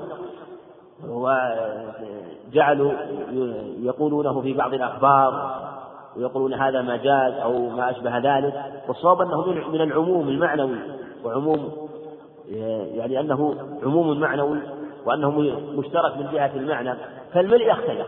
فإذا قيل مثلا امتلأ الكأس ماء هذا نوع. وإذا قال امتلأ امتلأ القدر طعاما هذا نوع نوع أيضا. وإذا قيل امتلأت الدار رجالا هذا نوع. يصبح. وإذا قيل امتلأ الكتاب سطورا هذا نوع من الامتلاء. ولهذا يأتي الملء في أشياء كثيرة. يقول ملأ فلان مسامع الناس مدحا. ويقال ملأ ابن أبي الدنيا الدنيا علما. وهو حقق في كل المواضع. فقول ملء السماوات ملء حقيقي ودعاء وثناء على الله بأن وثناء على الله وتحميد له سبحانه وتعالى حمدا يملأ السماوات والأرض. فهو في كل موضع يكون حقيقة. وعن ابن عباس رضي الله عنهما قال قال رسول الله صلى الله عليه وسلم أمرت أن أسجد على سبعة أعظم على الجبهة وأشار بيده إلى أنفه واليدين والركبتين وأطراف القدمين متفق عليه. وفي هذا وجوب السجود على هذه الأعضاء الجبهة مع الأنف كما في الرواية الثانية والرسول عليه الصلاة والسلام سجد على جبهته وأنفه وقال صلوا كما رأيتموني يصلي وهذا هو الصواب يجب السجود عليهما جميعا. خلافا لمن قال لا يجب السجود إلا على الأنف كالأحناف أو الجمهور الذين يقول لا يجب السجود إلا على الجبهة. الصواب قول أحمد رحمه الله يجب السجود على الجبهة والأنف ويسجد على الركبتين واليدين وأطراف القدمين كما في هذا الخبر. وعن ابن بحينة هو عبد الله مالك بن بحينة رضي الله عنه أن رسول الله صلى الله عليه وسلم كان إذا صلى وسجد فرج بين يديه حتى يبدو بياض إبطيه متفق عليه. قد فيه مبالغة في سجوده عليه الصلاة والسلام وأنه كان يفرج بين يديه إذا سجد. وفي حديث ميمونة ولو أن بهيمة مرت أرادت تمر مرت في صحيح مسلم. وفي حديث أحمر بن جز أنه كان إذا سجد فرج بين يديه حتى نأوي له. من شدة مبالغته عليه الصلاة والسلام. فالتفريج مشروع بين اليدين حال السجود وهذا هو السنة وهذا هو الأكمل. لكن لو أنه ضمهما إلى ركبتيه جاز وهو خلاف السنة. ثبت في حديث هريرة عند أبي داود وغيره أنهم شكوا إلى النبي عليه الصلاة والسلام مشقة السجود عليه فقال استعينوا بالركب. فدل على أنه ليس بواجب التفريج لكنه سنة خاصة في حق الإمام والمنفرد وكذلك المأموم بحسب يفرد تفريجا لا يكون فيه مضايقة لمن كان بجانب هذا. هذا في هيئة المصلي بخلاف الصفوف في الصلاة فالمشروع هو المراصة بينها والمقاربة. أما الصلاة فيشرع لكل عضو أن يتميز فكان أن يفرج حتى يظهر ويتبين كل عضو في حال الصلاة. وعن البراء بن عازب رضي الله عنه قال قال رسول الله صلى الله عليه وسلم إذا سجدت فضع كفيك وارفع مرفقيك رواه مسلم. ثبتت به الأخبار أن الواجب أن يسجد وأن يضع يديه بالأرض ويضع كفيه بالأرض وأن يرفع مرفقيه كما في حديث ابن أنس أنه نهى أن يبسط الرجل ذراعيه بسط الكلب. فيجب رفع الذراعين عن الأرض ولا يجوز بسطهما لأنه تشبه بالكلب.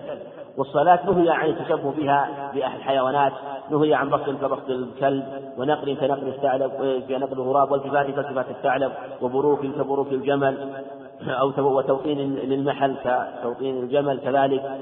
وكذلك لما قال ما لي ما لكم تميئون كأنكم أذناب كأنها أذناب خيل الشمس. فنهى عن التشبه في الحيوانات أحوال الصلاة كلها. وعن وائل بن حجر رضي الله عنه عن أن النبي صلى الله عليه وسلم كان إذا ركع فرج بين أصابعه وإذا سجد ضم أصابعه. رواه الحاكم. رواه الحاكم من طريق هشيم بن بشير السلمي الواسط وهو مدلس لكن له شاهد من حديث أبي مسعود عند أحمد وأبي داود وغيرهما أنه عليه الصلاة والسلام كان إذا سجد وضع إذا ركع ووضع يده على ركبتيه اليمنى على اليمنى واليسرى على اليسرى وفرج بين أصابعه. وعن عائشة رضي الله عنها قالت رأيت رسول الله صلى الله عليه وسلم يصلي متربعا. رواه النسائي وصححه ابن خزيمة.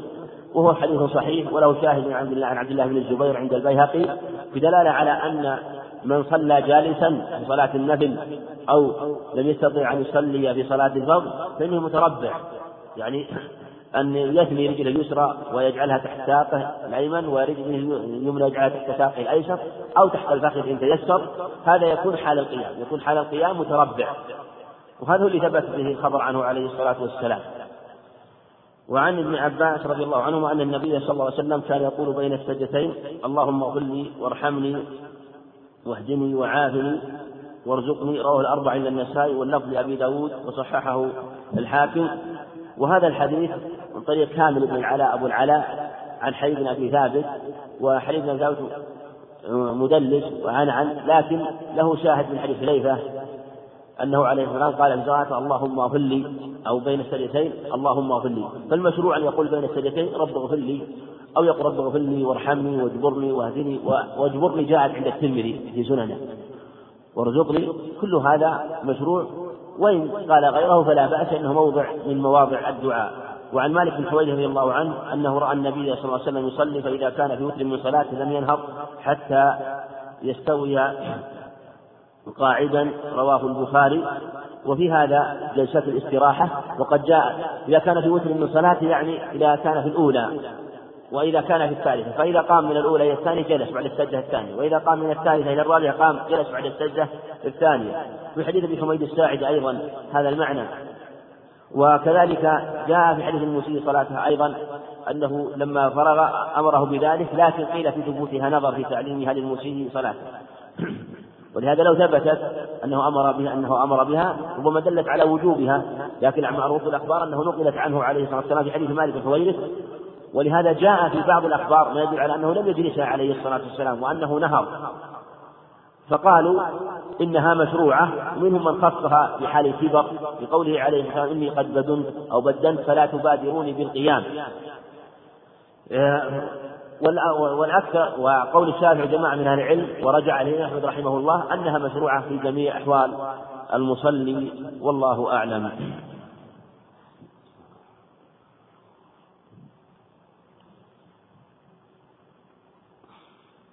جاء جاء في في جواب منك على أحد الأسئلة حول الدف أنه يجوز للرجال سماع ذلك إذا قام في النساء وأيضا يجوز سماع الرجال لغناء سماع الرجال لغنائهن وذلك في المناسبات فقط. ودليلك أن أبا بكر دخل على النبي صلى الله عليه وسلم والجاريتان تغنيان ولم يوقفهما الرسول صلى الله عليه وسلم عند غناء فدل ذلك على جواز سماع الرجال لدف النساء. هل ما ذكر صحيح؟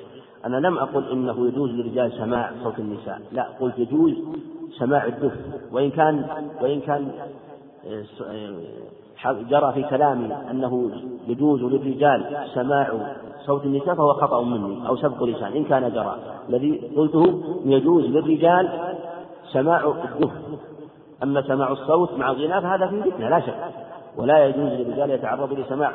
ولا كما كما قال ولا تخضعن بالقول فيطمع الذي في قلبه مرض. ولا شك أن غناءهن نوع من الخضوع وهو جائز بينهن في هذه المناسبة. والدف أو الدف جائز في هذه المناسبة للنساء وقلنا إن جماهير أهل العلم على منعه مطلقا مع أن بعضهم حكى العكس وجوزه للجمهور كما ذكره تقي الدين السبكي ورد عليه جمع من آخرون وقالوا لم يعرف أنه أن الرجال كانوا يضربون الدف في عهده عليه الصلاة والسلام بل هو من خصائص النساء. يقول إخواني يسهرون عن التلفاز وإذا أيقظتهم لصلاة الفجر يأخذ ذلك مني وقت طويل. فهل إذا وضعت المنبه وأيقظتهم وذهبت ولم يستيقظوا مع العلم أنهم ملتزمون؟ إذا إذا نبهتهم وأيقظتهم كفى ذلك. المقصود أنك تنبههم وتوقظهم. وإذا علمت أن المنبه يكفي يكفي ينبههم كفى ذلك. وإن كان لا المنبه ما يكفي عليك أن توقظهم وأن تجتهد في تنبيههم لذلك. لكن هل يجب عليه كل يوم ذلك؟ خاصة إذا كانوا معه هذا موضوع نظر. الظاهر أنه يجب عليه أن يناصحهم أن يناصحهم وأن يأمرهم بذلك وأن يجتهدوا في ذلك لكن يتأكد إذا كانوا معه في البيت. إذا كانوا معه كالرجل مع أولاده. أما إذا كان ليسوا معه في البيت فالنصيحة. وإذا كانوا معه في البيت فهو منكر ظاهر. والمنكر يعني وشيء يراه فعليه أن ينبه بقدر استطاعته. السلام عليكم ورحمة الله وبركاته. هل لديكم دروس في أيام الأسبوع الأخرى وفي أي مسجد؟ في دروس في المسجد هذا في أيام في طول أيام السنة إلا أيام الإجازة. وما يعرض في السنة من إجازة أخرى أيضا يوم السبت ويوم الاثنين بعد صلاة العشاء. في عمدة الفقه وفي سنن أبي داود وفي مختصر التحرير في أصول الفقه. ما صحة الدعاء في الركوع سبوح قدوس رب الملائكة والروح؟ ثبت في صحيح مسلم أنه عليه الصلاة والسلام كان يقول النهي من من الشرب من كلمة القدح للكراهة أم للتحريم؟ لا للكراهة. وثبت في حديث أم كبشة عند الترمذي أنه عليه الصلاة والسلام قام إلى شن معلق فشرب منه عليه الصلاة والسلام وجاء في حديث آخر أيضا أنه شرب عليه الصلاة والسلام فدل على الجواز لكن هذا يكون مع الحاجة لا كراهة إذا كان مع الحاجة فلا كراهة ولهذا الشن كان معلقا. أما إذا كان الإناء في الأرض مثلا غير معلق لأن الشن إذا كان معلق يصعب ربما شق إزالة ثم صب الماء في إناء فلا بأس أن يشرب. وإن كان في الأرض وتيسر القدح فيشرب من القدح. هذا هو فإذا كان معلقا انتفت الكراهة. وإن كان غير معلق دل الحديث على أنه الشرب في هذه الحال مكروه كما أنه شرب قائما ونهى عن الشرب قائما عليه الصلاة والسلام. ذكرتم في التأمير روايتين الأولى إذا أمن الإمام فأمنوا والثاني إذا قال ولا الضالين فقولوا آمين. ما الجمع بينهما؟ كلاهما صحيح. إذا أمن الإمام فأمنوا يعني إذا شرع هذا المراد. إذا شرع في قوله إذا قال ولا الضالين فقولوا آمين. الروايتان متفقتان. قوله إذا قال ولا الضالين تقول تقول آمين. وإذا أمن يعني إذا شرع في قول آمين فإنك تقول آمين. السلام عليكم ورحمة الله وبركاته. وعليكم السلام ورحمة الله وبركاته. قول قتادة. قول أبي قتادة. كان رسول الله يسمعون الآية أحيانا. هل مشروع الإمام الجهر جدا علما أن بعض الناس؟ غفلوا هذه السنة؟ لا ليس المشروع الجهر مشروع أنه يجهر أحيانا. وإذا ظن أن جهره ربما ألبس على الناس فإذا ترك فلا بأس. وإن جهر أحيانا جهرا خفيفا لأن هذا جهر خفيف في بعض الآية والآيتين أحيانا ليس دائما.